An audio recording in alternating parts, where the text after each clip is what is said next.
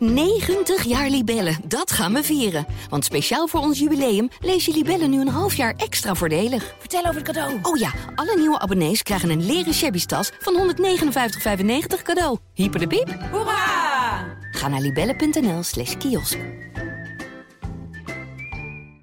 Zeg, heb ik nou begrepen dat goede vriend van de show Bob Odenkirk een hartaanval heeft gehad? Ja, een kleine dan. Volgens mij was het op de set waar hij bezig was met het nieuwe seizoen van Better Call Saul. Dat is die spin-off van Breaking Bad. Waarin hij de loesje advocaat Saul Goodman speelt. Hij zakte in elkaar en is eh, per ambulance naar het ziekenhuis. En het bleek gelukkig dan een kleine hartaanval te zijn. Beterschap, Bob. Ja, en keer snel weer terug, want John en ik kunnen niet wachten op een deel 2 van Nobody. Hi, this is Bob Odenkirk. I'm from Breaking Bad and Better Call Saul. You're listening to Movie Insiders.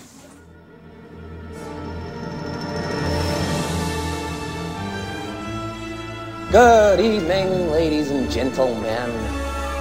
We are tonight's entertainment. Movie Insiders. Why should I waste my time listening? Because I have a right to be. I have a voice. Groovy. Hey, leuk dat je weer luistert of welkom bij Movie Insiders, de filmpodcast van AD.nl, die je ook kan beluisteren via Spotify of Apple Podcasts. Mijn naam is John. En mijn naam is Guido. En we zijn natuurlijk te vinden op de welbekende social media platforms als Instagram, Facebook en Twitter. Of stuur eens een e-mailtje naar movieinsiderspodcast.gmail.com. Wat gaan we doen in deze aflevering? Deze film won een Oscar. Lang geleden, voor mijn gevoel, heel lang geleden, begin dit jaar. Minari. Het is officieel een Amerikaanse productie, maar het gaat over een Koreaanse familie. En er wordt ook hoofdzakelijk Koreaans ingesproken. Een klein briljantje waar we eindelijk bij stil kunnen staan. Later in deze show een recensie. We staan ook even stil bij, nou ja, wat filmnieuws. Er is wat aan de hand met Scarlett Johansson, onze Black Widow. Ze ligt in de clinch met Disney. En we staan echt niet bij ook wisje wasje stil. Maar dit is toch iets waar... Het is het nieuws. Ja. Ja, hier zou de filmindustrie wel flink van opgeschud kunnen worden. En we staan even kort stil bij de carrière van ex-worstelaar Dwayne The Rock Johnson. En dat doen we naar aanleiding van deze film. Ja, als je het echt niet meer weet en je hebt geen inspiratie meer, dan kun je altijd nog een attractie van een pretpark als uitvalsbasis nemen voor je film. hey, dat gebeurde natuurlijk eerder met The Pirates of the Caribbean. Wordt dit net zo'n groot succes en zo'n enorme franchise? Dit is A Jungle Cruise. My name is Dr. Lily Houghton. My brother and I are looking for passage upriver. What's out there in the jungle? It's not a fun vacation. Well, I'm not here for a vacation. Legend has it that there is a tree that possesses unparalleled healing power. It will change medicine forever. And you need someone to help you find it. Here we go. Sometimes it just needs a bit of a. Nobody touches my engine but me. What did I just There you go. Gonna do this together. Haven't you been dreaming about adventure? She was always chasing after some far fetched idea. There's no such thing as curses. Everything that you see wants to kill you. And can. Do you wanna turn back? Nope, just getting started.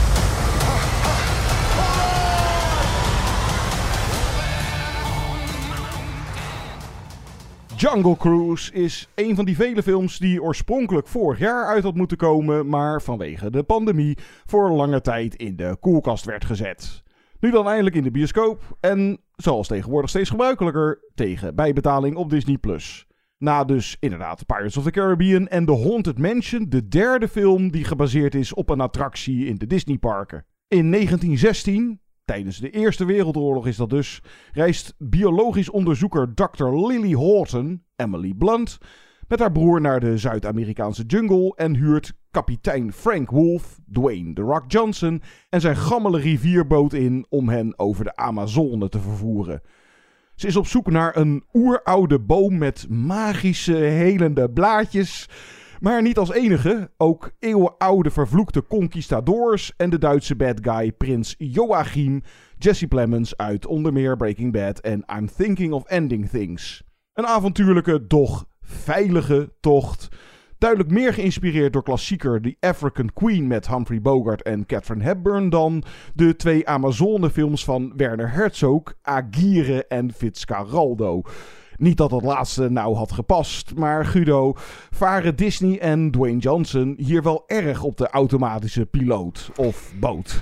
Hey, nou ja, het is zo'n film die precies doet wat ik had verwacht. En bijna niks anders. Nou ja, wat ik dan nog enigszins verrassend vond, was dat hij halverwege flink op de fantasy tour gaat. Eigenlijk best wel full-out Pirates of the Caribbean met ja, die conquistador die tot leven komt en dan met een half lijf. En... Die deden me echt heel erg denken aan die uh, uit Dead Man's Chest, de tweede deel van Pirates of the Caribbean. Ja, die zeewezens, ja, ja, toch? Dat... Met uh, Davy Jones. Ja. ja, daar deden me inderdaad ook aan denken. Maar ja, dit is inderdaad één grote opsomming van jungle adventure movie clichés. Op een gegeven moment... Nou, op een gegeven moment, er zitten heel veel schedels in. En ja, wat doe je dan met een schedel in dit genre? Daar laat je dan een slang uitkruipen. Maar het is 2021, dus je laat er gelijk vier slangen uitkruipen. En die hebben dan ook alle vier een andere kleur. dat is eigenlijk in een Voor notendop. De variatie. in een notendop is dat Jungle Cruise die Indiana Jones nadoet, wil zijn. En dat altijd tot de macht 50 gelijk wil nou ja, het, uitserveren. Het, het, is in dat opzicht grijpt het wel weer een beetje terug uh, op de oude avonturenfilms. Maar dan uiteraard wel wat meer van deze tijd. En ook met het meer tempo van deze tijd. Maar dat dit weinig of niks echt verrassends of vernieuwends of heel schokkends uh, had ik ook totaal niet verwacht. En ik vraag me serieus af of hier een nieuwe franchise à la Pirates of the Caribbean of dus Indiana Jones of in dit geval Indiana Jane uh, in zou zitten. Maar ja, dat dit dus vooral een beetje African Queen-achtig. Dat is die klassieker uit 1951 waar Humphrey Bogart zijn enige Oscar voor won. Met Catherine Hepburn. En nou, dat speelde dan in Afrika, maar ook met inderdaad zo'n rivierbootje en een kibbelend stel. En nou, dat is het hier dan net niet. Het is echt inderdaad meer hocus pocus.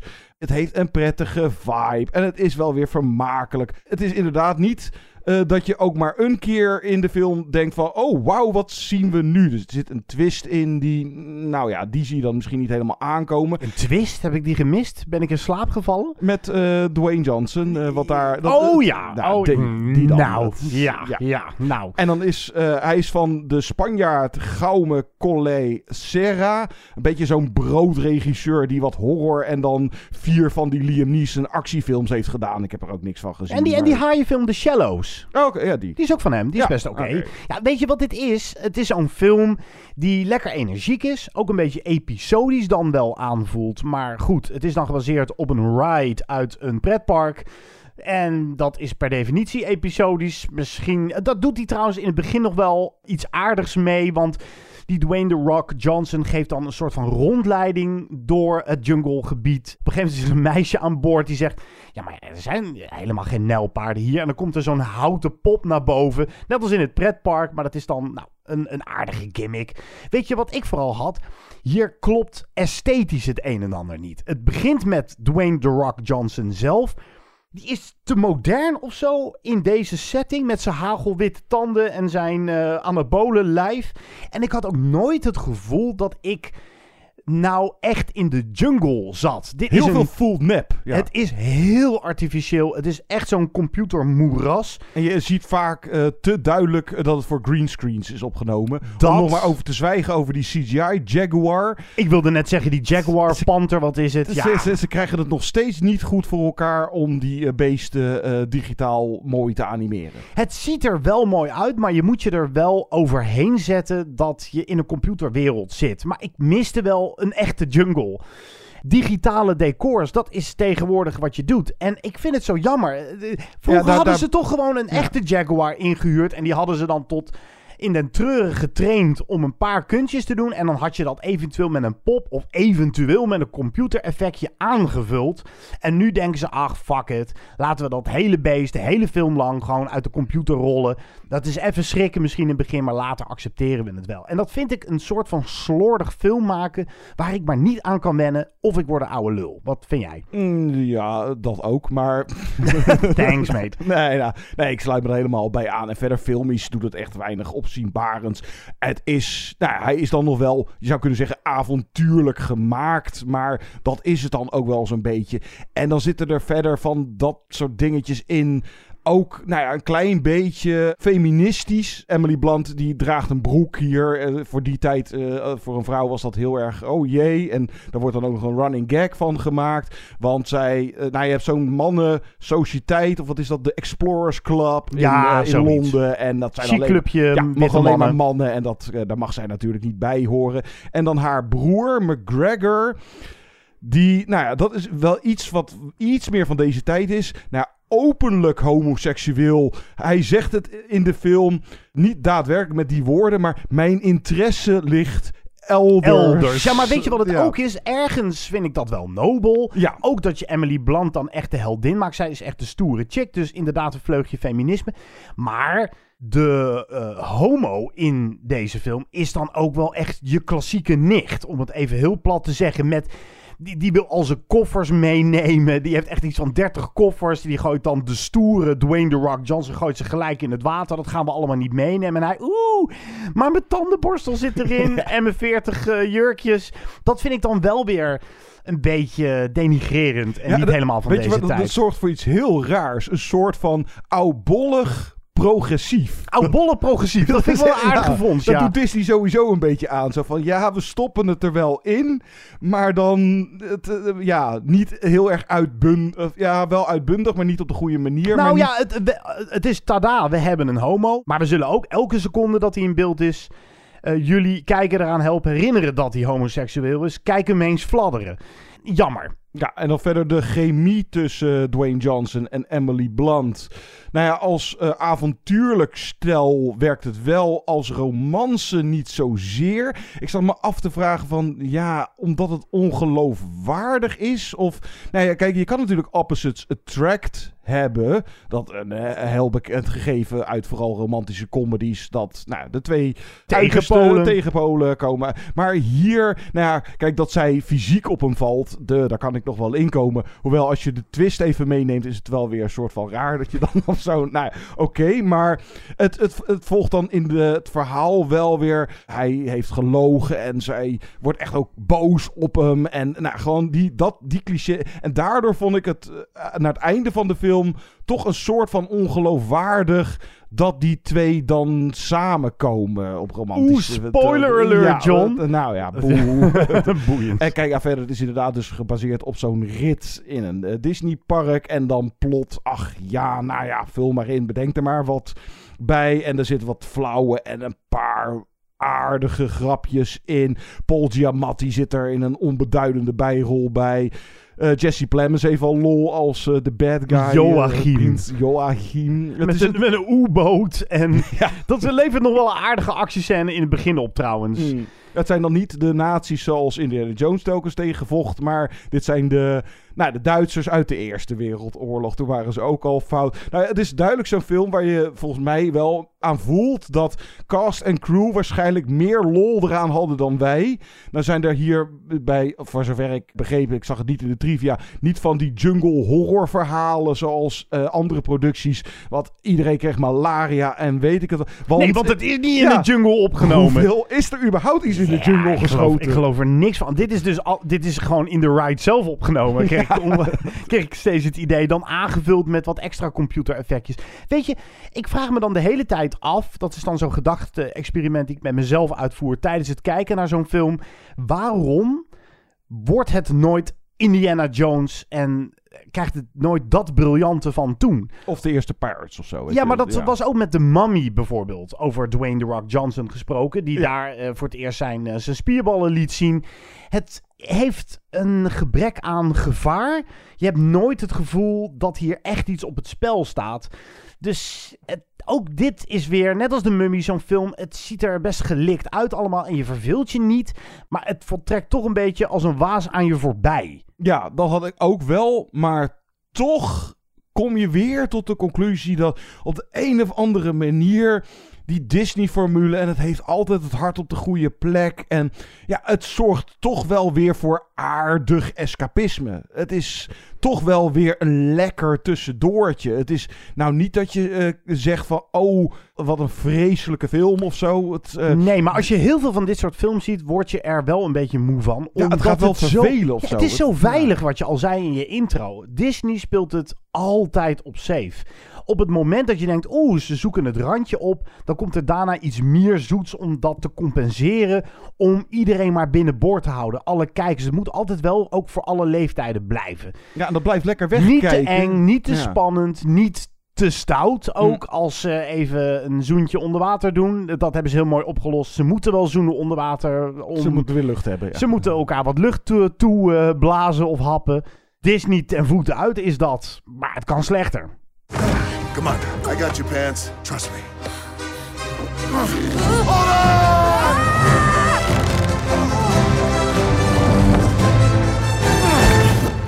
Frank, Frank, get it. Hold on. Come on. Frank, please. I got it. Frank, I don't got it. Frank, I'm trying to get traction. This is ridiculous. No, no, wait. Just leave me alone. That was a disaster. You're too heavy. Voordat wij zo dus even stilstaan bij de carrière van Dwayne The Rock Johnson. Eerst wat muziek uit Jungle Cruise. Nou, eh, de film, volgens mij begint het de eerste tonen muziek. En ik herken dat gelijk als fan. En ik vond het zo raar en het past ook totaal niet in nou, die tijd, die setting. Een, soort jungle cover van Nothing Else Matters van eh, Metallica. Het, het haalde mij wel even een beetje uit de film, eh, terwijl die net begonnen was. Maar verder, de score van James Newton Howard. eh, niet van het niveau wat hij eerder dit jaar deed met Ryan the Last Dragon, maar het luistert lekker weg.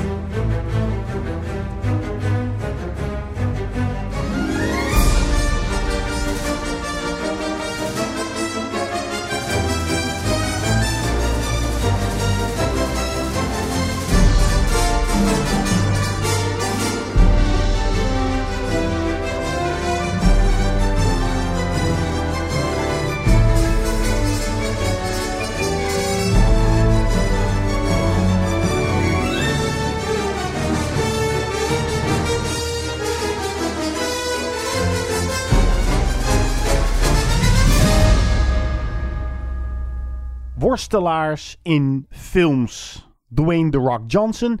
Ook steeds vaker zien we die John Cena opduiken. In Blockers zat hij. Hij zit ook in die nieuwe The Suicide Squad. Niet te verwarren met Suicide Squad. En dan de Fast 9 is dat. Daar zit hij inderdaad ook in. Maar het begon een beetje met Dwayne The Rock Johnson. Die. Ja, hoe is hij op de set van. Volgens mij was het, was het niet de Scorpion King waar hij dan als eerste te Nee, de? Mummy Returns. Oh, dat was de Mummy Returns. King. Ja, ja. Als een CGI-creatuur. Overigens een van de slechtste CGI-effecten van ja, dat deze was echt even toe. schrikken. Dat, eh, toen waren de CGI special effects nog echt een beetje om te janken. Ja, echt een eh, gecontrol-C, eh ja, gecontrol-C en gecontrol-V uit het PlayStation-spelletje. Ja, zoiets. zo, eh, dat, eh.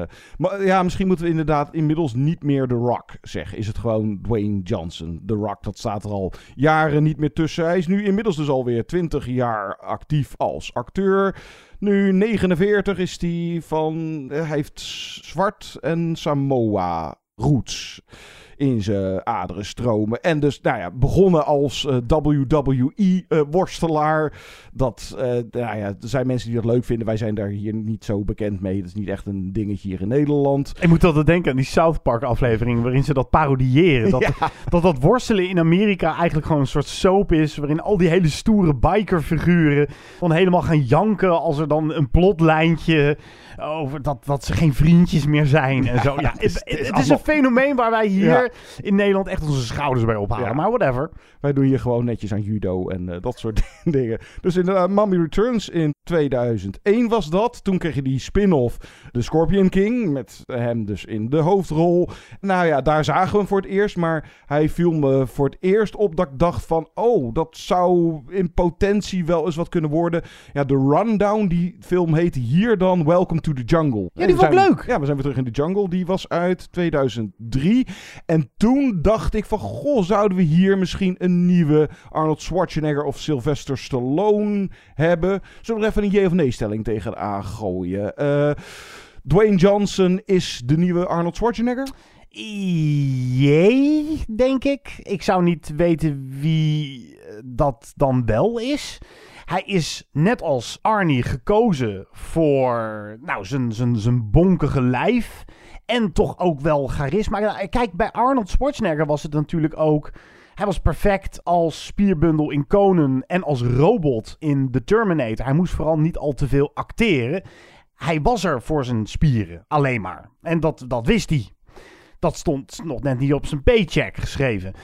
En hier is dat wel iets meer. Nou ja, ik, hij had altijd wel blijkbaar charisma genoeg in die WWE-festiviteiten. hij had toch die, eh, dat kenmerk dat hij zo zijn, zijn linker of zijn rechter wenkbrauw heel hoog kon optrekken. Oh, dat heeft hij ook eh, bijna in iedere film geloof ik wel. What's Dat- got the rock eh, cooking of zo. dat was dan zijn eh, eh, catchphrase. Zoiets. Maar wat vind jij? Ja, Nou ja, grotendeels een jee, maar misschien in sommige opzichten ook weer niet. Maar dat komt dan inderdaad door als je kijkt wat hij tot nu toe verder dan aan films. Nou, ik moet er even bij vermelden dingen als Walking Tall en Faster of Snitch. Dat heb ik dan niet gezien. Dat zijn volgens mij wel iets meer van die wat hardere actiefilms. En Doom heeft hij ook nog, eh, zat hij ook nog in. Eh, dat is die eh, game-adaptatie. Laten we daar maar even geen woorden meer aan vuil maken. Maar hij koos al vrij vroeg in zijn filmcarrière voor het familievriendelijke pad. Of, eh, nou ja, het waren niet allemaal, maar je zou kunnen zeggen... hij ging met Disney in zee. En dat heeft een Arnie of een Stallone heeft dat nooit ge- gedaan. En daarnaast is het dus echt die keiharde... Maar dat kan ook natuurlijk te maken hebben met dat, dat films waren uit de jaren tachtig toen die nog gemaakt werden. Dus het, waren, het zijn ook andere tijden. Maar, Dat waren hardere films in ja, de jaren 80. maar de enige film waarin hij volgens mij ook vak mag roepen is dat Pain and Gain van Michael Bay. Heb je die gezien? Nee, die Ah, heb ik niet Nee. gezien. Dus eh, ik zeg dat met de enige slag om de arm. Ja. Heeft me nooit zo geïnteresseerd, die film met, eh met Jolante Cabau ook erin, geloof ik. Toch? Oh, oké. Ja, die zit er. eh, Ja, ja, whatever. Ja, toen had hij nog een paar nou ja, films waar hij in zat, waar hij net even probeerde iets anders van zich te laten zien. Was dat Be Cool? Dat was die sequel op Get Shorty met dus John Travolta die terugkeerde en daar was hij een... Een worstelaar die een acteercarrière wilde nastreven, Zo- ja, zoiets mij. Ja, dat, hij dat was was dan een bodyguard met een afro. En nou, dat was wel een aardig eh, rolletje van hem. En hij zat in dat Southland Tales van een regisseur van Donnie Darko, waar we sindsdien niks meer van gehoord Richard hebben. Kelly. Ja. Nou ja, kijk, als je naar zijn carrière kijkt, we kunnen wel alle titels opnoemen, maar het maakt niet zo heel veel uit, want het is één pot nat. Het is op zich niet erg.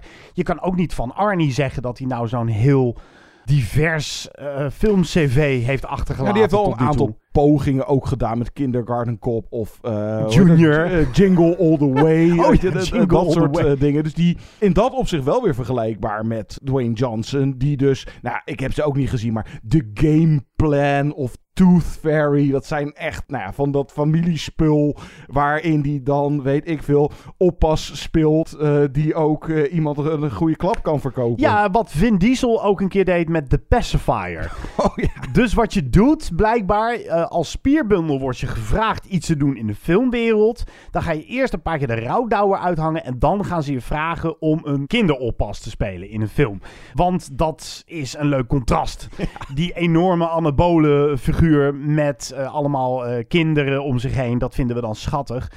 Maar ja, het is allemaal hetzelfde natuurlijk wat hij ja. doet. ja, en toen verscheen hij eh, in Fast 5, dus dat is het vijfde deel uit de Fast and the Furious reeks. En toen was hij nog Hercules, dus nou, dat is zijn Conan the Barbarian, zoiets. Nou, en ik geloof dat zo rond die tijd schoof hij wel op naar A-ster status. En ik heb ze allemaal niet gezien, maar San Andreas, dat is eh The Rock in een rampenfilm. En Skyscraper is The Rock op een flatgebouw. En, eh, nou ja, en Baywatch, ik heb het ook niet gezien. Die Jumanji's, die zijn nog wel aardig. Maar vooral de laatste paar jaren, of eigenlijk al de hele tijd. Nou ja, hij gaat volgend jaar dan geloof ik voor het eerst een superheldenfilm eh, Black Adam. Dat is die DC-comic. ja, kijk, hij heeft genoeg charisma. Daar ligt het niet aan. En hij, hij moet het misschien wel iets meer van zijn humor hebben. Want ja, of die dramatisch... Er, nou ja, dat moeten we misschien maar eens een keertje zien. Want hoe meer ik hem zie begin ik wel steeds meer het idee te krijgen van... heeft hij net als, nou vooral misschien een Arnold Schwarzenegger... Sylvester Stallone had wel iets meer van dat. Getuigen Rocky of Creed of eh, dat. Maar weinig bereik qua acteur. Nee, En- dat. En wat ik hem ook nog niet zie doen, is bijvoorbeeld een Copland. Een mooie rol van Sylvester Stallone. En, en Creed, waarin je de, de, de rimpels van Sylvester Stallone, die echt de hoofdrol spelen. Weet je, hij heeft dat doorleefde hoofd. En nou, dat, dat heeft ook iets van een dramatisch effect in een film. En dat zie ik The Rock nog niet doen. Hij is altijd Dwayne Johnson. In elke film is hij hetzelfde. Is, speelt ja. hij nou een rol waarin je zegt, ja, dat is blijven hangen, want daar doet hij net even wat anders. Hij is eigenlijk altijd hetzelfde. Hij heeft altijd net even een eh, iets wat ander karakter, maar Een stoere knuffel. het is een stoere knuffel. En ja, ook niet dat- veel meer dan nee. dat. Nee. En ik vraag me serieus af of hij ons er nog een keertje gaat verrassen met iets van een dramatische rol.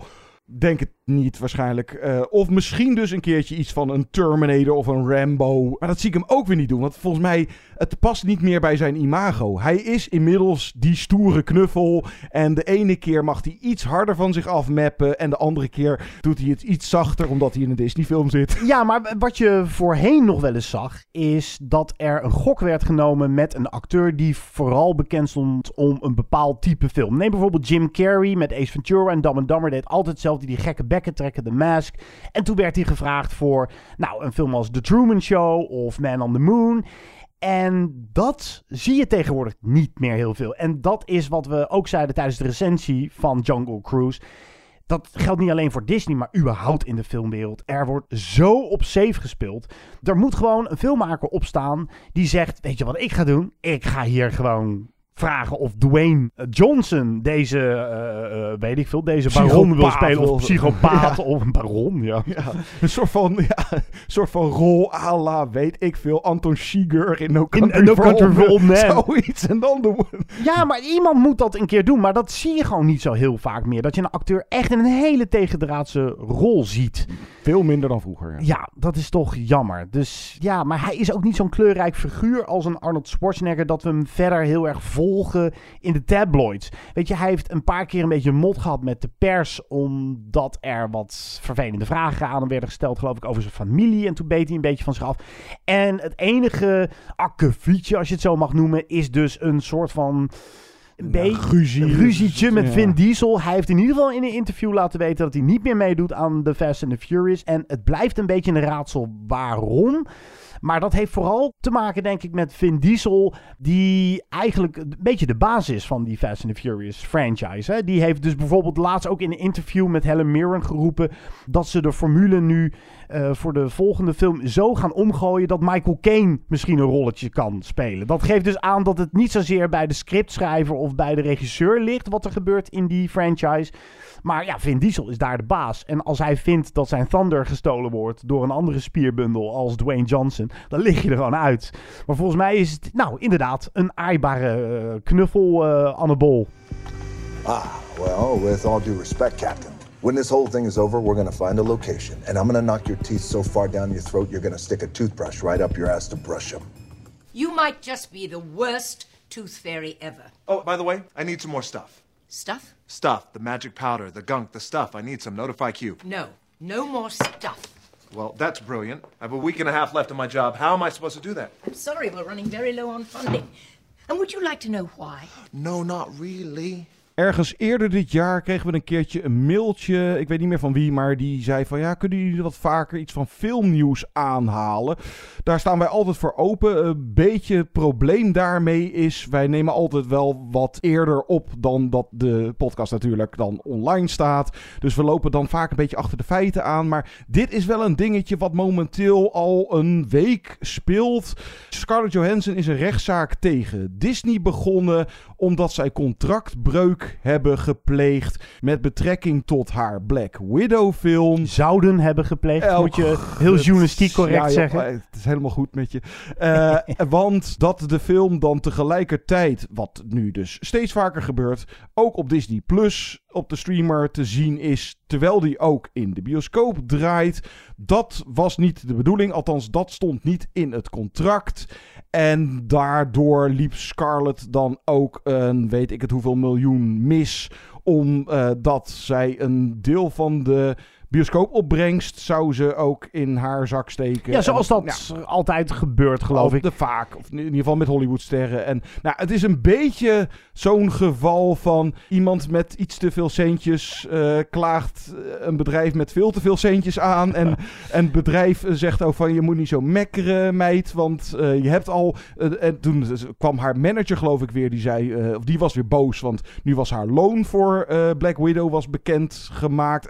En ik heb tot nu toe volgens mij nog geen statement van ScarJo gehoord of gelezen dat zij heeft gezegd van enerzijds ik loop zoveel miljoenen mis en daarom doe ik het. Of anderzijds, ja, die miljoenen, daar gaat het me eigenlijk niet zozeer om. Het is eh, nu door die pandemie, de bioscopen moeten eigenlijk juist weer een opsteker hebben. En dan moet je hem niet tegelijkertijd... Nou ja, zou dit, deze rechtszaak nog een staartje kunnen krijgen? Ik denk het wel. Ja. Ik denk, en daarom halen we dit nieuwsfeitje toch aan. Dit krijgt nog wel een staartje. Want ik geloof dat eh, inmiddels ook Emma Stone voorzichtig van zich heeft laten horen. Zelfde verhaal met Cruella, eerder besproken in deze podcast, in de bioscoop. En nou, die kwam even later dan Nee, ook ook, tegelijkertijd. ook tegelijkertijd dan op Disney+. Plus. Het is een nieuwe model. En bij Jungle een nieuw ook, model... ja. Ja, precies. En Jungle Cruise. Bij een nieuw model hoort misschien toch ook een nieuw salarismodel. En je kan wel zeggen, Scarlett Johansson heeft geld zat, tuurlijk. Maar ze heeft ook wel een punt. En het gebeurt ook in een tijd dat best nog wel veel bioscopen nog dicht zijn in Amerika. Waardoor ze toch ook gewoon minder geld krijgen. Het is nog steeds veel meer dan jij en ik bij elkaar verdienen tot de macht duizend waarschijnlijk. Misschien zelfs nog wel meer. Wij vet onderbetaalde filmcritici. Goh, Leuke hobby. Leuke hobby, niks in de melk te brokkelen. Ach, maar we zeuren niet, want we hebben de mooiste baan die er is volgens mij. Maar ja, ze heeft natuurlijk wel een punt. En het doet me ook een beetje denken, omdat dit steeds vaker gaat gebeuren met Disney. En andere acteurs nu toch ook nieuwsgierig in hun contracten gaan neuzen. Van, goh, hoe zit dat eigenlijk bij mij? Het doet mij denken aan wat Olivia de Havilland ooit deed. Ja, of James Stewart, in de jaren 50. Toen is volgens Ja. mij echt zo'n omslagmoment. Nou, even- Olivia heeft... Dat is een beroemd Ja. voorbeeld. Ik weet niet meer precies hoe het zat, maar nou, de- zij is inmiddels overleden. Zij eh, passeerde de 100, geloof ik, eh, in leeftijd. Het is niet zo heel lang geleden, maar zij zat nog in Gone with the Wind. En zij heeft op een gegeven moment echt heel hard gestreden voor een hoger loon. En dat heeft het hele salarismodel omgegooid. Ja. En misschien dat dat hier ook gaat gebeuren. Er moet iets veranderen. Toch? Ik, ik vind dat ook wel logisch. Dus, en het, wat daar ook achter steekt, is een veel grotere discussie of we het überhaupt wel eh, leuk vinden wat hier gebeurt. Namelijk dat hij tegelijkertijd op Disney Plus te zien is. Ja, en nee. Zijn we bereid als kijker om toch naar de bioscoop te gaan? Of doen we dat 50-50? En ja, is dat iets wat vooral Disney ten goede komt, omdat Disney zo graag zijn eigen platform wil promoten? Ja, er gaan nog steeds eh, geluiden op dat Disney eh, gewoon bioscopen failliet wil laten gaan om ze vervolgens op te kopen. En dat je dan weer dat oude studiomodel krijgt van een bioscoop die alleen maar Disney-producties laat zien. Ja, En dan kom je in heel eind trouwens, want tegenwoordig is alles van Disney. Ook Ja. Fox natuurlijk. Ja, dat oude studiosysteem. Dat lijkt weer een beetje terug te zijn in dat opzicht. En ja, eh, nou, die discussie hebben we eerder en vaker gevoerd. Van in hoeverre blijft men bereid om dus inderdaad die films dan in de bioscoop te gaan aanschouwen. Als je hem ook thuis, nou in dit geval dan tegen meer betaling, maar gewoon thuis eh, met je familie eh, op je tv-schermpje kan gaan kijken. Eh, trouwens, even over Black Widow en bioscoop gesproken. Die zag ik een tweede keer. Vrienden van me die het moest. Oké, nou ja, prima, ga ik mee. En toen heb ik voor het eerst dat Screen X is dat in Pathé gezien.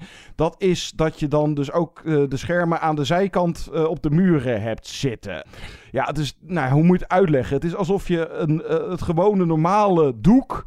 En het werkt eigenlijk gewoon voor gemeten. Want je gaat dat omvouwen met twee keer een hoek van 90 graden. En dat ziet er eigenlijk zo stom uit. Je moet echt tijdens het kijken ook alleen maar op het midden focussen. En dan de rest er maar voor lief bij nemen. Want zodra je naar die eh, zijkanten gaat zitten kijken. En het is dan ook niet de hele film lang. Het wordt alleen aangezet tijdens de acties. Maar wat is dan de filosofie daarachter? Ik snap het niet. Eh, nou ja, iets bijzonders of iets, iets anders. Het, het- nou, het, laat ik het zo zeggen. Als je een film echt wil zien, moet je dat absoluut niet op die manier gaan kijken. Want het haalt je compleet uit de film.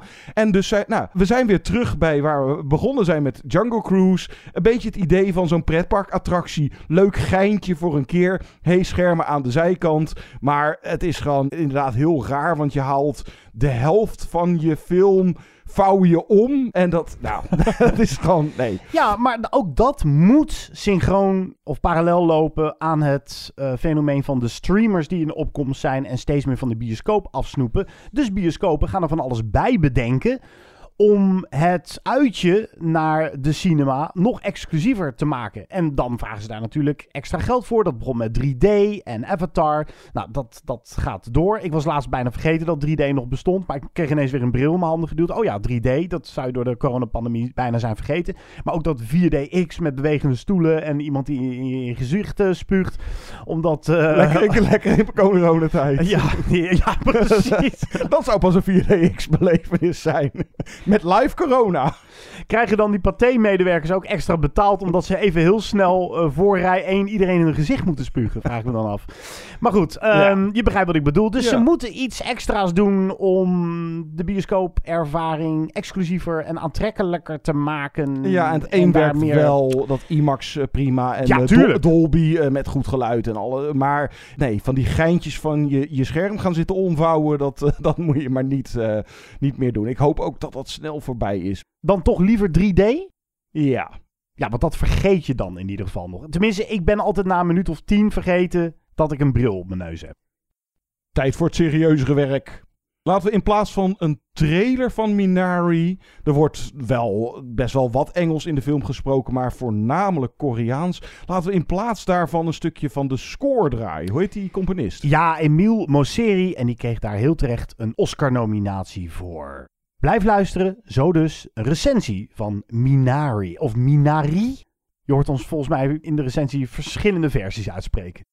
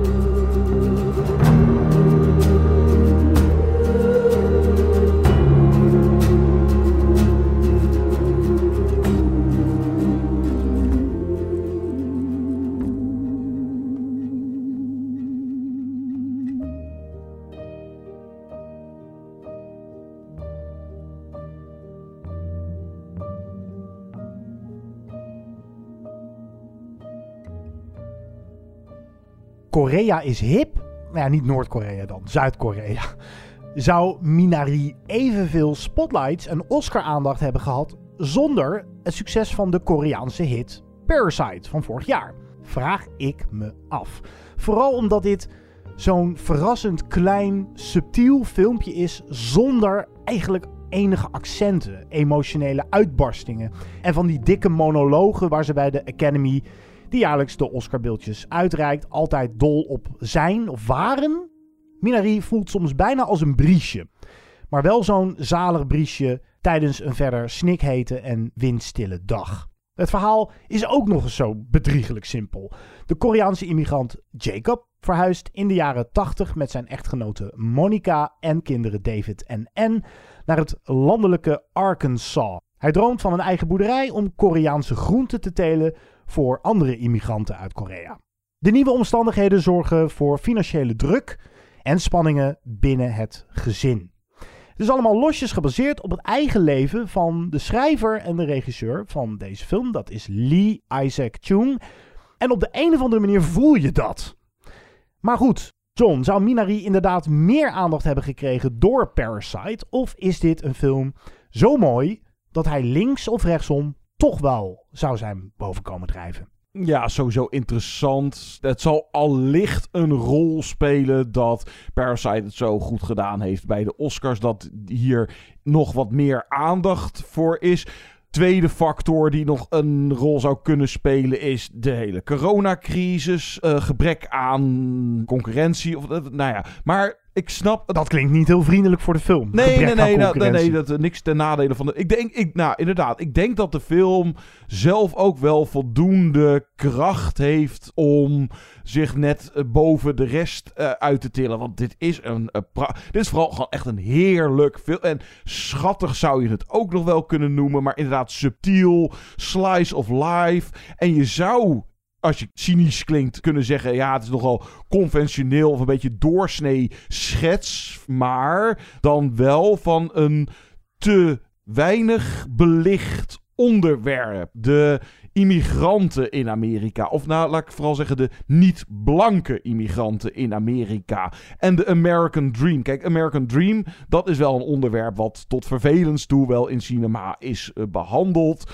Maar het vanuit het oogpunt van dit soort immigranten, de American Dream, het najagen, erin geloven, vooral ook het doorzetten van het zal me verdorie ook gaan lukken. En dan uiteindelijk de nou ja, harde, soort van harde realiteit dat het vaak toch een zeepbel blijkt te zijn. En dat er voor dit soort mensen weinig echte kansen zijn om de American Dream te realiseren. Dit speelt dan in de jaren 80, 80 ja. ten tijde van Reagan. En nou, ik weet niet of de situatie uh, nu inmiddels heel veel veranderd is. Maar ja, dit is vooral door de focus op deze personages, of uh, dus Koreaanse immigranten ik denk dat het daarom wel ook een, nou, uh, bijzonder of... Uh, ik heb het niet heel vaak uh, gezien, laat ik het zo zeggen. Ja, ik worstel nog steeds om een goed antwoord te kunnen geven op de vraag waarom Minari zo'n bloedmooie film is. Ik heb er moeite mee om filmpje te zeggen, want dat ben je geneigd te zeggen omdat het allemaal zo kleinschalig is en zo subtiel en zo bescheiden filmpje, dan lijkt het ook een beetje op een tussendoortje. En dat is het zeker niet. Maar het, is, het is geen Parasite, laten we het zo nee, ja, nee, Parasite heeft heel duidelijk een, een script. En het heeft heel duidelijk ook een, een visie en een boodschap. En deze film is inderdaad misschien wat jij zegt wel een slice of life. Maar waarom die denk ik vooral zo goed werkt is... Het zit hem in hele kleine, sorry, dat woord gaan we heel vaak noemen in deze recensie, details. In details die wel waarmee de film verraadt dat het wel een autobiografische inslag moet hebben. Anders dan kom je er gewoon niet op. Zoals uh, drank uit de bergen, Mountain Dew, wat ze drinken. Dat soort kleine details.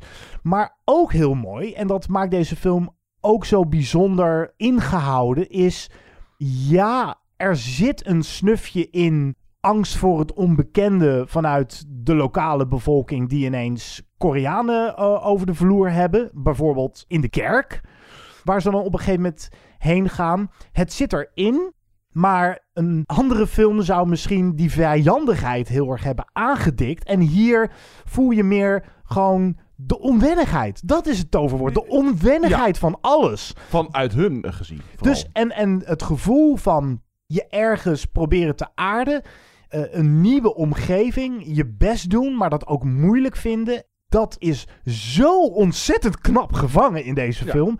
Dat is zeldzaam. Dus het is eigenlijk te beperkt om te zeggen... het is gewoon een mooie slice of life. Het is geen kritiek op jouw woorden. Nee, maar, maar, ik probeer zo goed mogelijk duidelijk te maken... waarom dit zo'n zeldzaam mooie film is. Omdat die zo authentiek is. Zo, zo, het komt zo recht uit het hart. Ja, absoluut. En dus inderdaad een keertje niet de racismekaart wordt gespeeld. Nee, nee, nee zeker het, niet. Nee, nee. Het, nou, het wordt niet... Nee, het komt eigenlijk niet eens voorbij. Als er al een keer wordt gelachen, dan is het om Will Patton. Die hier, ja, een soort van... Hij helpt Jacob is dat dan, geloof ik, eh, de, de, de vader dan met het eh, verbouwen van de groenten. En iedere zondag loopt hij met een kruis te zeulen. Dat is zijn religie of zoiets. En Nou, dat is da- de daar wordt dan nog een beetje eh, grappig om gedaan. Ja, het is het enige kritiekpuntje misschien wat ik Ja. zou hebben op Minari. Zijn rol en de symboliek die daarachter zit. Net als de titelverklaring. Dat zoiets. Minari is een soort van kruid. En dat, dat verspreidt zich heel makkelijk.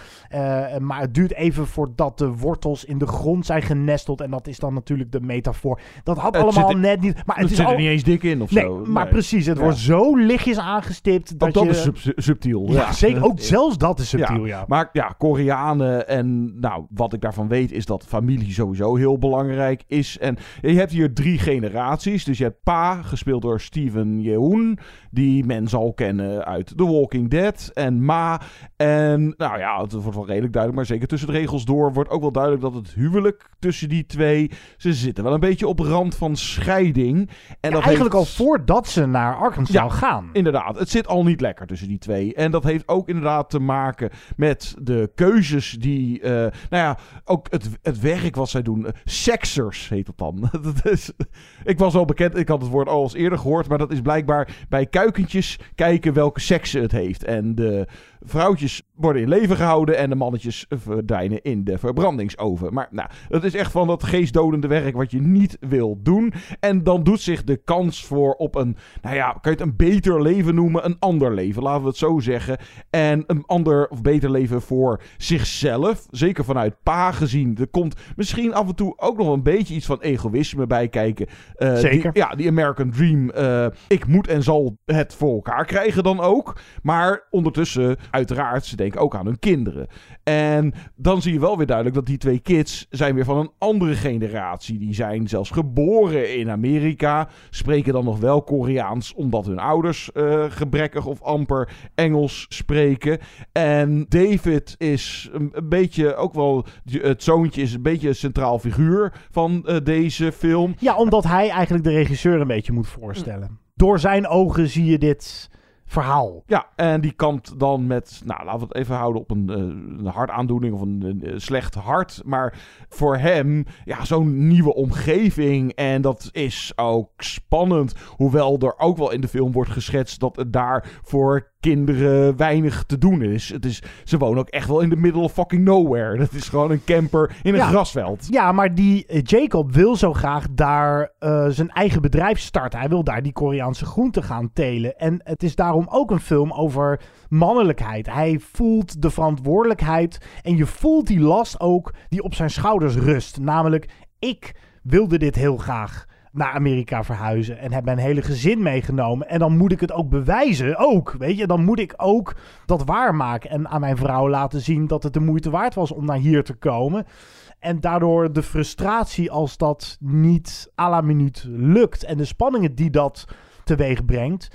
Dat maakt zowel de situatie van Jacob als zijn vrouw heel goed voelbaar.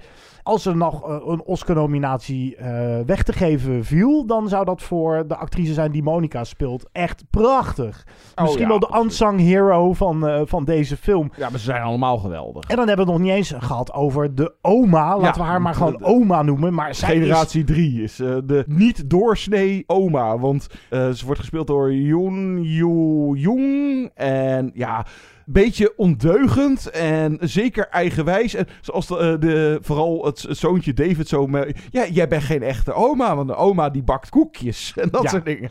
En oma stinkt. Ja. Dat zegt hij op een gegeven moment eh, ook. Nou, ik was een beetje bang dat dat personage ook dan voor de komische nood moest zorgen. Maar ook gelukkig is de oma echt een volwaardig driedimensionaal personage. eh, eh, mens van vlees en bloed Ja, geworden. maar al die karakters zijn goed uitgewerkt. Dus ook oma inderdaad met haar... Ja, een be- een beetje excentriek en een beetje eh, ding-dong broken.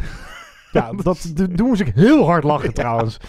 Nee, maar karakters van, van vlees en bloed en echt. eh, en daarnaast is de, de manier hoe de film gemaakt is, of laat ik zeggen de sfeer. Het is een beetje licht, nou je zou bijna kunnen zeggen licht dromerig. Dit is een film die duidelijk niet voor het rauw realisme gaat.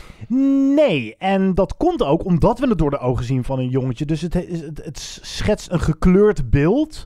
En daar past ook de soundtrack heel mooi bij. Die is ook heel onconventioneel. Dat is niet je standaard eh, James Horner soundtrack met een hele met een thema dat zich telkens herhaalt. Je mag je in deze film, het mag ook schuren. Het is niet alleen maar mooi. Het is moeilijk. Het, het doet pijn om je ergens te aarden. En dat, dat is eigenlijk bijna vlekkeloos getroffen, vind ik, in Minari. Misschien nee, op een paar schoonheidsfoutjes na. Ja, je merkt duidelijk dat dit een regisseur is die nog niet eh, heel veel ervaring heeft. Maar het is prachtig geschoten. Het heeft een heel fijn script en de dialogen zijn goed. En nou ja, je zou dus kunnen zeggen: dit is hetzelfde als wat we al wel vaker eh, of soortgelijke films hebben gezien. Maar dan toch net even anders. Doordat hier de focus ligt op nou ja, eh, immigranten. In dit geval dus Koreaanse immigranten. En zo heb ik het op deze manier en zo verfijnd heb ik het echt in lange tijd niet gezien. Dus ik denk inderdaad dat Minari eh, ook op zichzelf wel, minus Parasite, had hij echt wel het publiek gevonden. Eh, al is het alleen maar vanwege gewoon de kwaliteit op zo goed als alle vlakken. Ja, en het is zo mooi klein. Hadden we dat al gezegd? Dat was hem voor deze keer. Een wat bondiger, kortere podcast. Want we doen geen top 5. Waarschijnlijk de eerstvolgende podcast wel weer. Laat van jullie horen. Wat vonden jullie van Jungle Cruise of Minari? Of vinden jullie dat Dwayne The Rock Johnson wel een fantastisch acteur is? En eh, zien wij eh, dat niet? Eh, Het kan zomaar. Laat vooral, geef je mening. Ja, en misschien zijn jullie wel weer enthousiast over dat. Hoe heet dat ook alweer? Ik ben nu alweer kwijt. Dat, met dat omgevouwen doek. Screen X. Screen X. Ja. Geef bijvoorbeeld een reactie op onze site movieinsiders.nl. Je kan een mailtje sturen met een leuk verhaal. Lezen we het voor in de podcast. movieinsiderspodcast.gmail.com Twitter met ons at Movie. Je kan van je laten horen. Vind, like, deel ons op Facebook. Wat kan je er allemaal nog meer? En we zitten op Instagram. Beluister de podcast ook via Spotify, Apple Podcast, Google Podcast en natuurlijk onze thuisbasis ad.nl. Guido, wat gaan we de volgende keer doen? Ryan Reynolds zat laatst in The Hitman's Wife's Bodyguard en zit nu weer in een andere grote blockbuster, namelijk Free Guy van Disney. Ah, verrassend. nou ja zeg. Oh, echt alles is van Disney. Freaky. Deze hebben we al gezien. We gaan er nog niet te veel over verklappen. Eh, check de trailer eens. Het is een soort Truman Show meets... De Lego Movie meets... Nou... Iets- iets met games. Iets met games, ja. Ryan Reynolds speelt een gamefiguurtje die in opstand komt. Laten we het daarbij houden. En ook in de podcast een recensie van The Suicide Squad. Want als een superheldenfilm het niet goed doet of matig wordt ontvangen, dan doe je het toch gewoon opnieuw. Ja, doe het lekker nog een keer. En dan plak je er een lidwoord voor. Ja. En En dan, dan, en dan vraag je de regisseur die het wel leuk kan doen. Ja, want voor deze Suicide Squad, nogmaals, The eh, Suicide Squad, werd Guardians of the Galaxy regisseur James Gunn ingevlogen. En dat merk je. En we doen een klassieker, want hij wordt opnieuw uitgebracht in de bioscoop. Dat is toch een beetje een Franse eh, moderne classic, La Haine, met Vincent Cassel. Leuk om die weer eens opnieuw aan te zetten. En dus misschien een top 5. We hebben nog geen idee, maar heb je een leuke suggestie voor een top 5 met een thema dat past bij een van de zojuist genoemde titels die we dus gaan bespreken in de volgende show? Let us know. We gaan eruit met muziek van Dwayne Johnson. Ja, die zingt in... Hebben we die Moana nou überhaupt al genoemd? Nee. Nee. Nou ja. Ja, ja, dat zei ik. Hij is met Disney in zee gegaan. Dus heeft hij natuurlijk ook een keer zijn stem verleend aan een Disney-personage. In dat heerlijke Moana. Of dat kwam hier toen uit als Fayana. Daar zit een heel verhaal achter. Daar zullen we je nu niet, nu niet mee lastigvallen. Maar hij eh, deed... eh, God, hoe heet die nou? Die eh, demigod. Maui. Ja, dat was het. En hij zingt één keer een nummer. En de muziek is trouwens... eh, de liedjes dan zijn van die Lin-Manuel Miranda... Waarvan eh, twee, drie podcasts terug eh, in the Heights draait misschien nog net in de bioscoop. Heerlijke musical. You're welcome. Uit Moana. Tot volgende keer. Tot de volgende keer.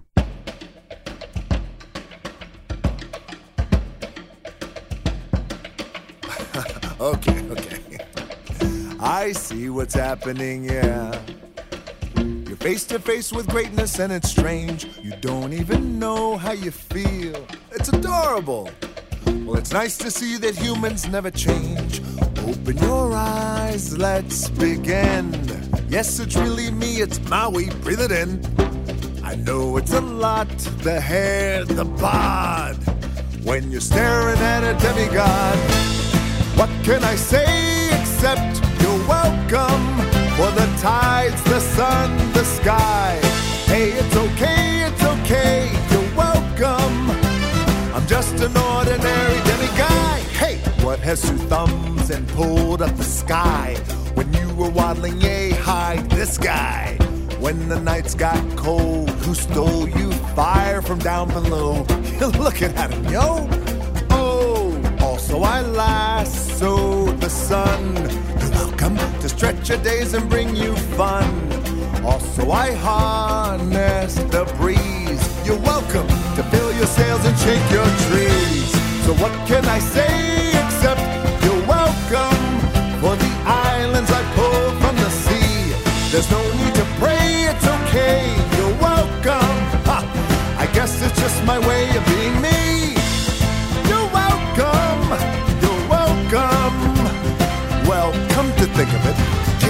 honestly, I could go on and on. I could explain every natural phenomenon.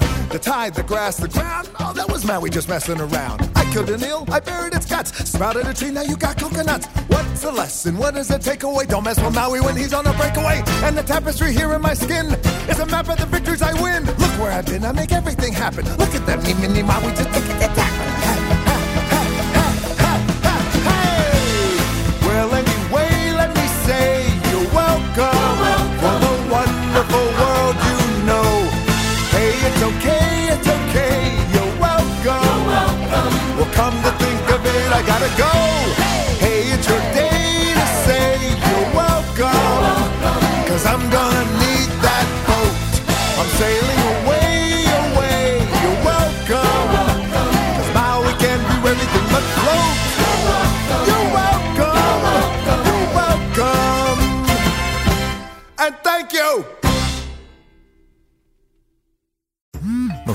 dagelijks overladen met overbodige informatie. En het is moeilijk de zin van de onzin te scheiden. Daarom vertrouw ik op echte journalisten in plaats van meningen.